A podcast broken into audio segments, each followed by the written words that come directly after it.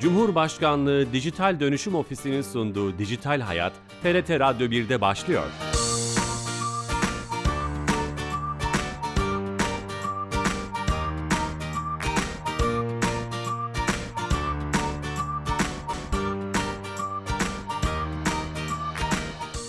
Herkese merhaba, ben Bilal Eren. Teknoloji ve dijitalleşmenin hayatlarımızı eskiden ele aldığımız Dijital Hayat programımıza hoş geldiniz. 363 haftadır her cuma saat 15.30'da TRT İstanbul Radyo stüdyolarından kulaklarınıza misafir olmaya devam ediyoruz. Bu hafta bazıları için 21. yüzyılın yönetişim modeli olarak da görülen blok, zin, blok zincir temelli DAO'ları konuşacağız. Türkçe karşılığı merkezi olmayan otonom organizasyonlar olarak geçen bu kavramı, bu teknolojileri çok değerli bir konukla blok zinciri eğitmeni Devrim Danyal'la konuşacağız. Kendisi e, telefonla konuğumuz olacak. Ama öncesinde her hafta olduğu gibi kamunun tüm dijital tüm işlerini dijitalleştirerek bizlere sunan Türkiye Gov.tr'den bir özelliği Dijital Türkiye ekibinden Ayşe Tarun'dan dinleyeceğiz. Ayşe Hanım telefon attığımızda. Ayşe Hanım. Hilal Bey iyi yayınlar. Hoş geldiniz yayınımıza. Teşekkürler. Bu hafta hangi servisi hizmeti bize anlatacaksınız? Ee, Bilal Bey bu hafta yine e, çok yeni, fırından yeni çıkmış. iki günlük bir hizmetimiz var. Size ondan bahsedeceğiz. Biraz. Harika, çok seviniriz.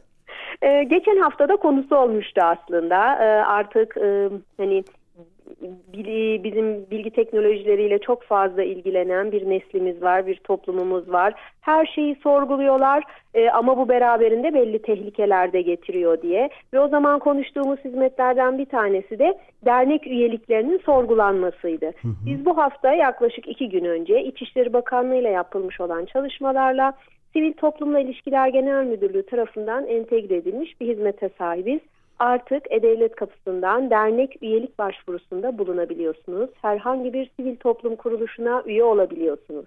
Hı hı. Muhteşem. Bu, dün akşam Twitter üzerinden görmüştüm. Dedim acaba yarın bunu konuşabilir miyiz programda? İçimden geçiriyordum. Siz bunu söylemiş oldunuz. Peki orada bir şey soracağım. Derneklerin kendilerinin içlerinde tüzükleri var. Örneğin referansla üye olanlar veya işte genel kurul onayıyla üye olanlar o buton veya formu gördükleri zaman üye ol butonuna bastıkları zaman derneğin önüne mi düşecek? Orada nasıl bir iş akışı olacak acaba? Aynen öyle. Oldukça komplike bir yapı var. Ee, Sivil Toplumla İlişkiler Genel Müdürlüğü'nün arka tarafta çalışan çok büyük bir altyapıya sahip bir platformu var zaten. Bütün STK'lar buraya tüzüklerini yüklüyorlar tamamını dernekler görebiliyor. E-Devlet Kapısı aracılığıyla kişi başvuruda bulunduğu zaman e, ilgili derneğe bu bilgi gidiyor. O tüzük kapsamında kişi değerlendiriliyor ve uygun görülürse kişiye evet artık derneğimizin üyesisiniz uyarısı dönüyor. Bu bilgi çok kıymetli. O sistemin ismi de Derbis bildiğim kadarıyla. Evet Derbis. Buradan bizi evet. dinleyen veya sonra dinleyecek olan tüm dernek işletmecilerine, dernek üyelerine de gönüllülerine buradan duyurmuş olalım. Çok kıymetli bir özellik. Ee, hani çağı atlatacak devrim niteliğinde bir özellik olmuş. Emeklerinize sağlık. Teşekkür ediyoruz. İyi yayınlar diliyorum. Sağ olun. Çok teşekkür ederiz. Evet Dijital Türkiye ekibinden Ayşe Torun'la beraberdik. Yepyeni bir özelliği Türkiye Gov.tr'den dinlemiş olduk. Yeni katılan dinleyicilerimiz vardır. Blok zincir eğitmeni Devrim Danyal'la beraber olacağız. Ve DAO'ları konuşacağız. Merkezi olmayan otonom organizasyonlar. Devrim Bey telefon attığımızda. Devrim Bey. Merhabalar sevgili Bey nasılsınız? Teşekkür ederiz. Hoş geldiniz yayınımıza. Merhabalar, hoş bulduk. Teşekkür ederim. Nasıl sağlığınız öncelikle, sağlığınız? Sağ olun. Kaçmaya devam ediyoruz. Henüz bizi yakalayamadı. E, o kovalıyor, biz kaçıyoruz. İnşallah e, herkes de e, bu dönem içerisinde sağlığını korur. E, saatli, e, güzel günleri hep beraber tekrar buluşuruz. İnş, e, inşallah. Sosyal ortamlarda diyelim. E, inşallah en büyük temennimiz o. Evet bu DAO'ları konuşmak istedik. E, merkezi olmayan otonom organizasyonlar. Bir basit bir tanımını yapıp açılımı nedir, DAO ne anlama geliyor? Böyle başlayalım mı kavramsal çerçeveyle?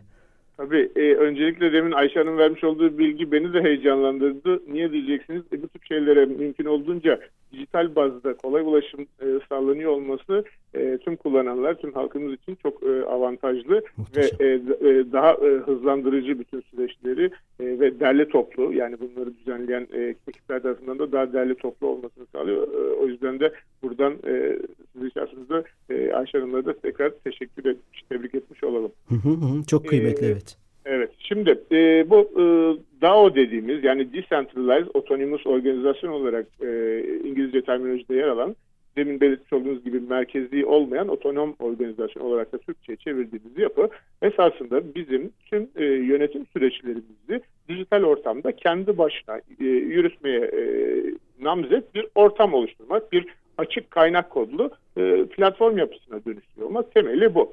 Ve e, bunun da bir temel e, tanımı var. Hiyerarşik bir yönetim kadrosu olmadan, merkezi bir kontrol yapısı bulunmadan kendi kendini yönetebilen ve isteyen herkesin de belirli aşamalarda, belirli sürelerde ya da belirli kademelerde e, yer alabildiği, içine katılabildiği bir organizasyon yapısı diyebiliriz. Çok iddialı bir aynı zamanda heyecanlı da bir tanım gibi gözüküyor. Peki bunu tarihçesine bakacak olursak yeni çıkmış bir şey mi? Bitcoin veya blok zincir felsefesiyle ortaya çıkmış bir şey mi? Bir tarihçesi ne bakabilir miyiz?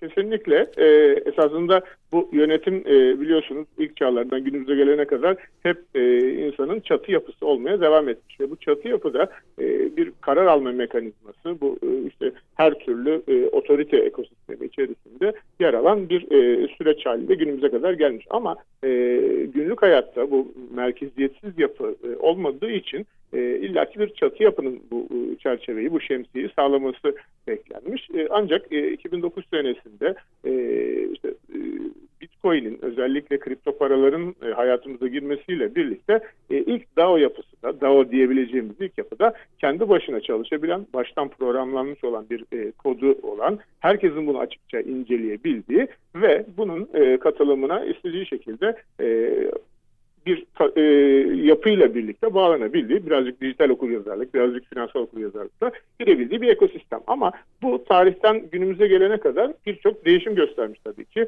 E, Bitcoin ya da kripto paraları kripto varlıklara dönüştürmeye başlayan e, akıllı sözleşme dönemi özellikle Ethereum'un e, Ethereum Virtual Machine dediğimiz e, bu platform ekosistemi sayesinde yani herkesin kendi kripto varlığını yaratabilme ve bu kripto varlık yaratma sonucunda da bunu farklı şekillerde kullanabilme süreçleri hayatımıza girmeye başlamış. Eskiden e, bir tek e, işte en büyük kullanılan Ethereum platformu e, buna e, ağ babalık yaparken e, sonrasında çıkan diğer alternatif e, blok zincirlerde bunun üzerinde e, söz hakkı e, sahibi olabilecek e, çeşitli organizasyonları kurmamızı sağlamışlar.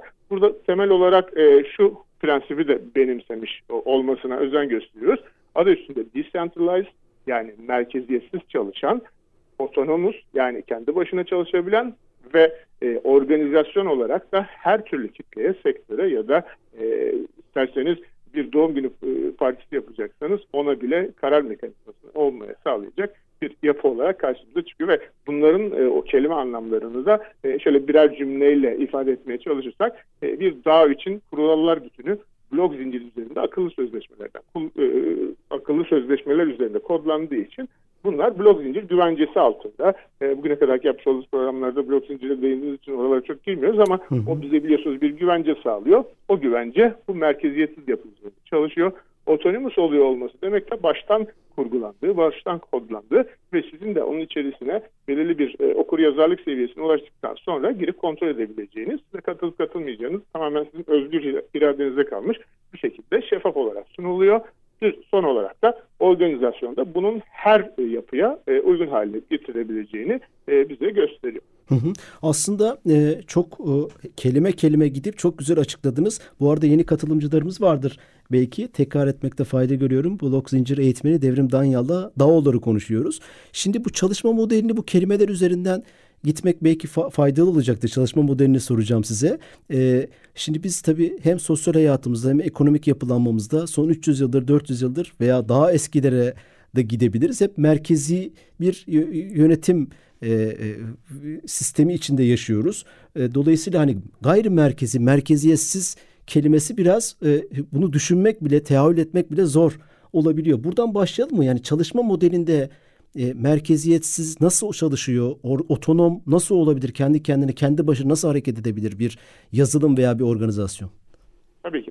Öncelikle biz e, çatı yapılara ihtiyaç duyma sebebimizde birazcık e, fokus olur oraya odaklanırsak merkeziyetsizliğe giden yolda da e, nasıl bir adım attığımızı e, daha net şekilde görebiliriz. Hı hı. Çatı yapılara ihtiyacımız e, kitle yönetim olarak adlandırabileceğimiz ikiden fazla insanın bir araya geldiğinde o e, karar verme mekanizmasında bize hem e, garantörlük sağlaması hem bir otorite olması hem de bugün e, işte en büyük e, global hani dünyalı olmak e, tabiriyle nitelendirebileceğimiz yapıdan onu daha küçük işte birimlere böldüğümüz zaman işte e, devletler, devletlerin altında e, işte organizasyonlar, onların altında işte dernekler, birlikler ya da e, farklı etkinlik grupları e, bu şekilde ta çekirdek e, aileye kadar inen bir yapı içerisinde bu süreç Doğru. işliyor. Bütün buradaki yapı da temelde nedir? Hani bir anne, baba ve e, işte e, çocuk olduğunu düşünürsek en çekirdek aile yapımızın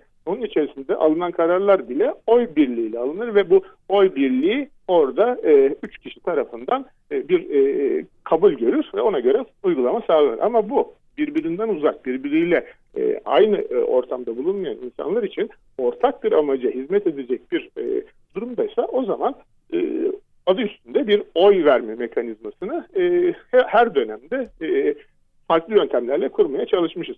E, zaman zaman buna işte bir sandık yapmışız. Sandığın içine gidip kağıt parçası atmışız. E, zaman zaman e, bunu e, işte bankalar aracılığıyla bizim paralarımızı saklayabilmeleri için gidip onlara emanet etmişiz. İşte yönetimi devlet e, kuruluşlarına vermişiz gibi. Bütün bunların hepsi bizim kitle olarak onlara güvenmemizi sağlar hale getirmiş.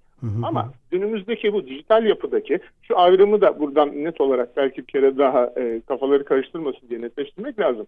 Merkeziyetsiz oluyor olması demek illa çatı yapının olmayacak olması anlamına gelmiyor. Yani siz de günümüzdeki konvansiyonel dünyada bir dernek, bir işte örgütlenme yapısı ya da bir e, işte birlik içerisinde olabilirsiniz ve bunun içerisindeki bu süreçlerde e, bu dağıtık yapıyı kullanabilir hale gelebilirsiniz. Yani illaki bunun e, dağıtık yapı yapısı oluyor olması demek çatıdan e, ayrı gayrı olmasını e, doğurmuyor. Gene biz dernek düşünelim. O bir karar almak istediği zaman eskiden kooperatifler e, mantığı vardı hatırlarsınız.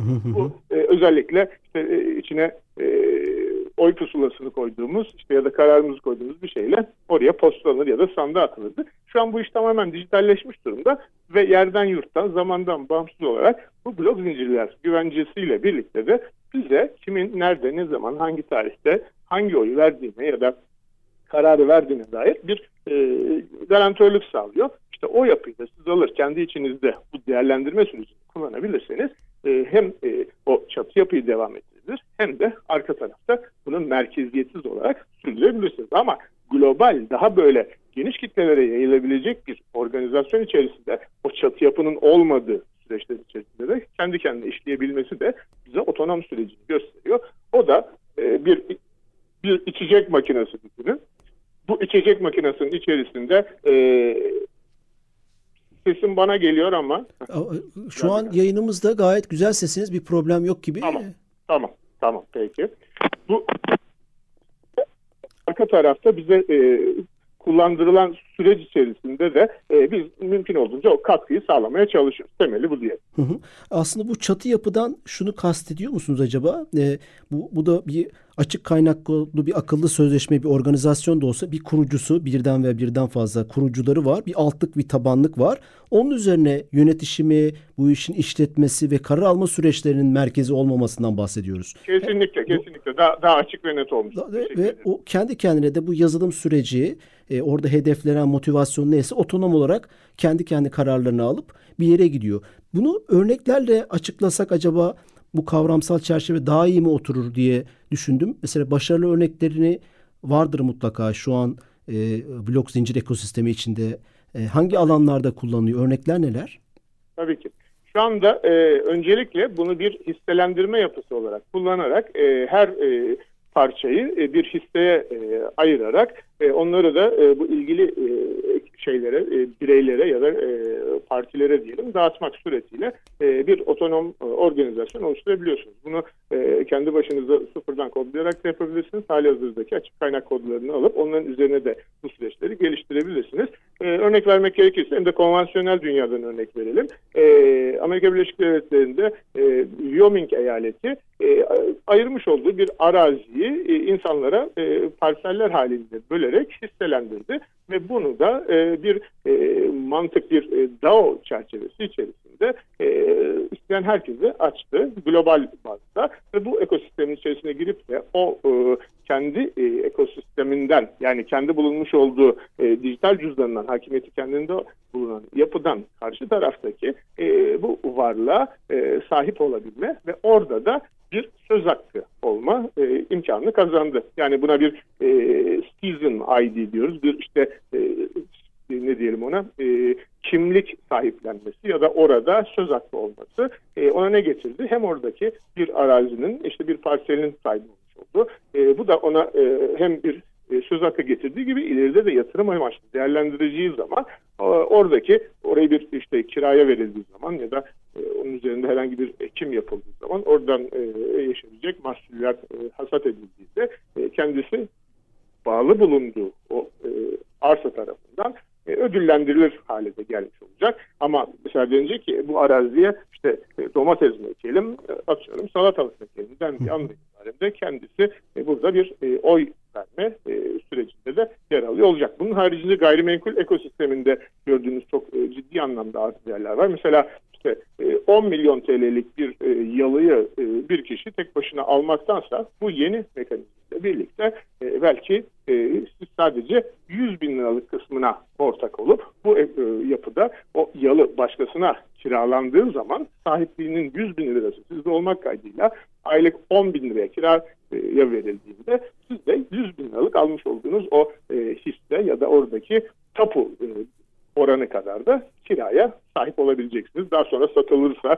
bu 10 milyon almıştınız 20 milyona satılırsa da sizin elinizdeki e, hisse senedi ya da hisse payı da diyelim değerleniyor hale gelecek. Bunu da tabii bu kadar e, son şunları da söyleyeyim. Çok büyük global olarak düşünmeye gerek de yok. Mesela bir e, arkadaşa doğum günü partisi yapacaksınız işte e, oraya mı gidelim buraya mı gidelim ya da işte pastayı çikolatalı mı olsun ya da çilekli mi olsun mantığı içerisine kadar da bunları bu kadar e, düşük düzeyde e, otonom hale de getirebilir haldeyiz. Çok çok güzel örnekler aslında. Mesela bu gayrimenkul yatırım o, o organizasyonu DAO üzerine taşırsak bütün o karar süre, alma sürecinde sizin tabirinizle domates mi ekelim yoksa bunu kiraya verip satalım mı? Üstüne bir e, işte e, bina mı yapalım? karar alma süreçlerinde tüm o e, şeyi e, herkesin katılabileceği bir e, şekle yönetime getirmek, yönetişime getirmek anlamına geliyor sanırım. Kesinlikle. Hatta bunu e, dilerseniz sitelere de uygulayabiliriz. İşte atıyorum 5 e, e, binanın olduğu ya da 5 işte dairenin olduğu ya da villanın olduğu sitelerden e, 5000'lik büyük toplu konutlara kadar da ilerleyebilen bu süreçlere e, oturtabiliriz. Orada da e, o sitenin sahipleri e, kendilerine ait site yönetiminde olacak kararları da e, orada çok hızlı bir şekilde alabilir halde olur. Basit örneği olarak mesela bugünkü kripto para ekosistemi borsaları da bu mantıkla çalışmıyor mu organizasyon anlamında?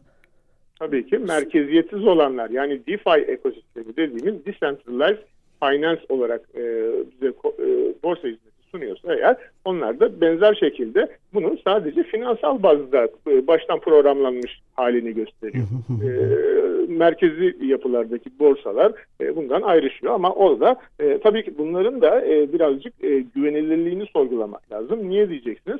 Çünkü e, işte normal bir e, borsa ya da normal bir finansal kuruluş e, bununla ilgili içerisinde profesyoneller çalıştırırken belki 50 kişi belki 100 kişi bununla ilgili kadrosu varken e, bu e, DAO'lar ya da DeFi ekosistemleri e, 3-5 arkadaşın e, bir araya gelerek işte birisi finansçı, birisi yazılımcı, birisi e, bu işte sosyal e, bilimlerden e, ortaya çıkarmaya çalıştıkları bir yapı. Bunlar başarılı olanları da var. Tabii ki çok başarısız olup da ciddi anlamda para kaybedenler de var. O yüzden mümkün olduğunca dağıtık yapı olduğu için herhangi bir çatıdan e, destek ya da e, bilgi birikimi de edinemeyeceğiniz için öncelikle bu dağıtık yapının bir parçası olacaksınız. Mutlak ve mutlak bu ekosistemde kendi hakimiyetinizi, kendi yönetim e, sisteminizin e, o e, iplerini kendi elinizde tutmasında fayda var. Peki bu burada bu programı dinleyenler veya sonra dinleyecek olanlar için kripto varlıklar piyasasına veya bu konuda yatırım yapmak isteyenler bir DAO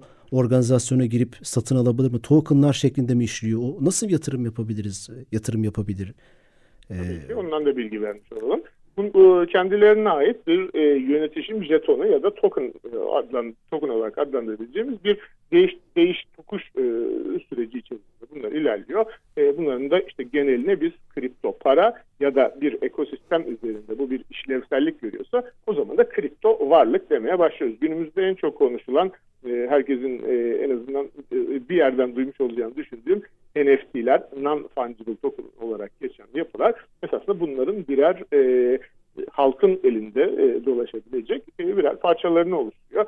Siz orada eğer o e, organizasyon içerisinde bir parça sahipseniz oradan bir e, işte gelir elde etmek üzere hem bir koleksiyonerlik hem orada bir söz hakkı olması açısından e, bu süreçlerde e, yer alabiliyorsunuz. Token dediğimizde bu ileride e, henüz çok fazla yaygınlaşmadı ama e, ileriki dönemde çok daha fazla duyacağınız tokenomics ya da token economics dediğimiz yepyeni bizim mantalitelere getirecek. Onun da temeli e, üç tane e, yapı taşı üzerinde oturması. Bunlardan bir tanesi security token dediğimiz yani hisse bazlı yatırım sadece amaçlı kullanılabilen e, jetonlar ya da tokenlar olarak nitelendirilebilir.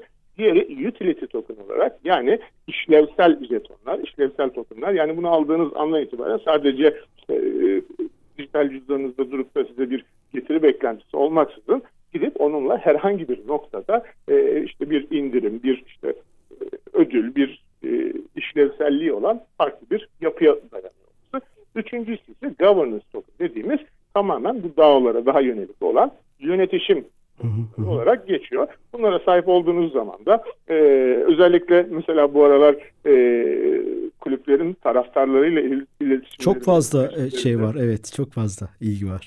Evet kullandıkları çünkü onlar demin bahsettiğimiz gibi e, taraftar dediğiniz hani insanın içinden gelen bir şey. E, illa gidip kulübe üye olmadan e, o renklere gönül bağlamış olabilirsiniz ki bu global olduğunda onlara erişiminiz eskiden daha zordu. Şu anda dijital ortam içerisinde bunları çok daha kolay şekilde erişebilir hale geliyorsunuz. Onlar da taraftarlarla e, bu e, yönetimler hani belki çatı yapıdan da e, netleştirmek için o örneği verebiliriz. E, o ilgili takımın e, e, yaptığı bir işte kamuoyu yoklamasında. İşte maçtan e, önce e, taraftarları e, bir yerde buluşturalım mı? Ya da işte e, maça gelirken e, taraftarlar e, işte bizim otobüslerim kullansın mı? Ya da takım hangi otobüs renkleriyle işte e, hangisi e, logosu nasıl olsun tarzında ya da gol atıldıktan sonra hangi e, marş çalsın tadında bu tip böyle e, çeşitli yok kamuoyu yoklamaları yapıyorlar. Tabii bunun içerisine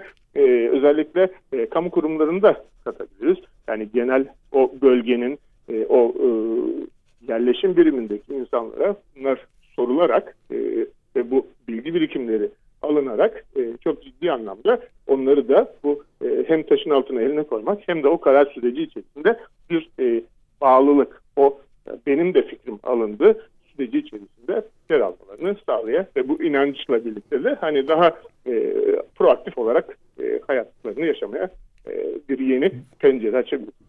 Vatandaş katılımının arttırabilecek, vatandaş katılımını arttırabilecek bir şey aslında DAO'lar.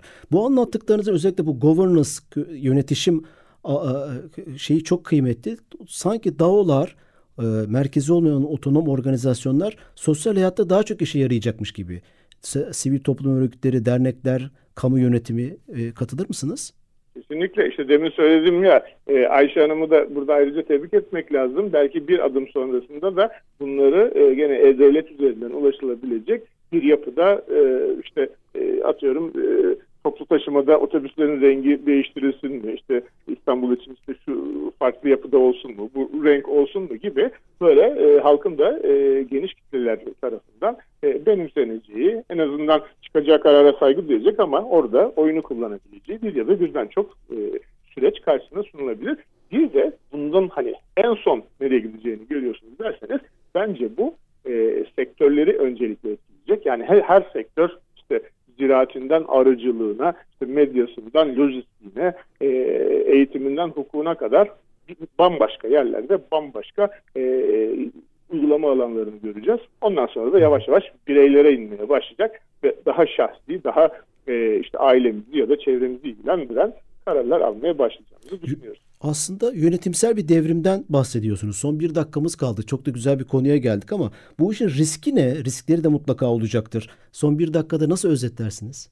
Tabii ki. Ee, bunlar e, öncelikle kendilerine ait bir e, fon yapısına sahip oldukları için burada e, sonuçta bir parasal değeri e, olan ya da parasal değeri olmasa da bir e, oy e, hakkına sahip olan yapılar. O yüzden de bu oy hakkımızı başkalarına kaptırmamak için bunlarla etkileşimde olacağımız dijital cüzdan adını vermiş olduğumuz o e, aracıları e, hem e, iyi anlamak hem doğru kullanmak hem de bunların üzerinde bir çatı yapı hakimiyeti olmadığı için kaybettik mi tamamen sonsuza kadar elimizden kayıp gideceğini de e, unutmamak gerekir. O yüzden de e, burada biraz eğitim şart diyelim. Her bütün şeylerin problemlerin sonucu buraya geliyor. Dijital okur yazarlık ve eğitime geliyor. Ağzınıza sağlık. Çok kıymetli bilgiler verdiniz ama süremizin sonuna geldik. Ben çok teşekkür ederim Bilal Bey nazik davetiniz için. İnşallah bizi dinleyenlere de biraz farkındalık yaratmıştır. Herkese sağlıklı, mutlu günler diliyorum. Harika, şeref verdiniz. Çok teşekkürler. Blok zincir eğitmeni Devrim Danyal'la DAO'ları, yeni yönetişim felsefesini merkezi olmayan otonom organizasyon olarak Türkçe'ye çevrilen DAO'ları konuşmaya çalıştık. Bu programımızın kaydı yarına itibaren YouTube'da ve podcast kanallarımızda bulabileceksiniz. Haftaya yeni bir konu ve konukla her cuma saat 15.30'da olduğu gibi beraber olacağız. Şimdiden iyi hafta sonları. Hoşçakalın.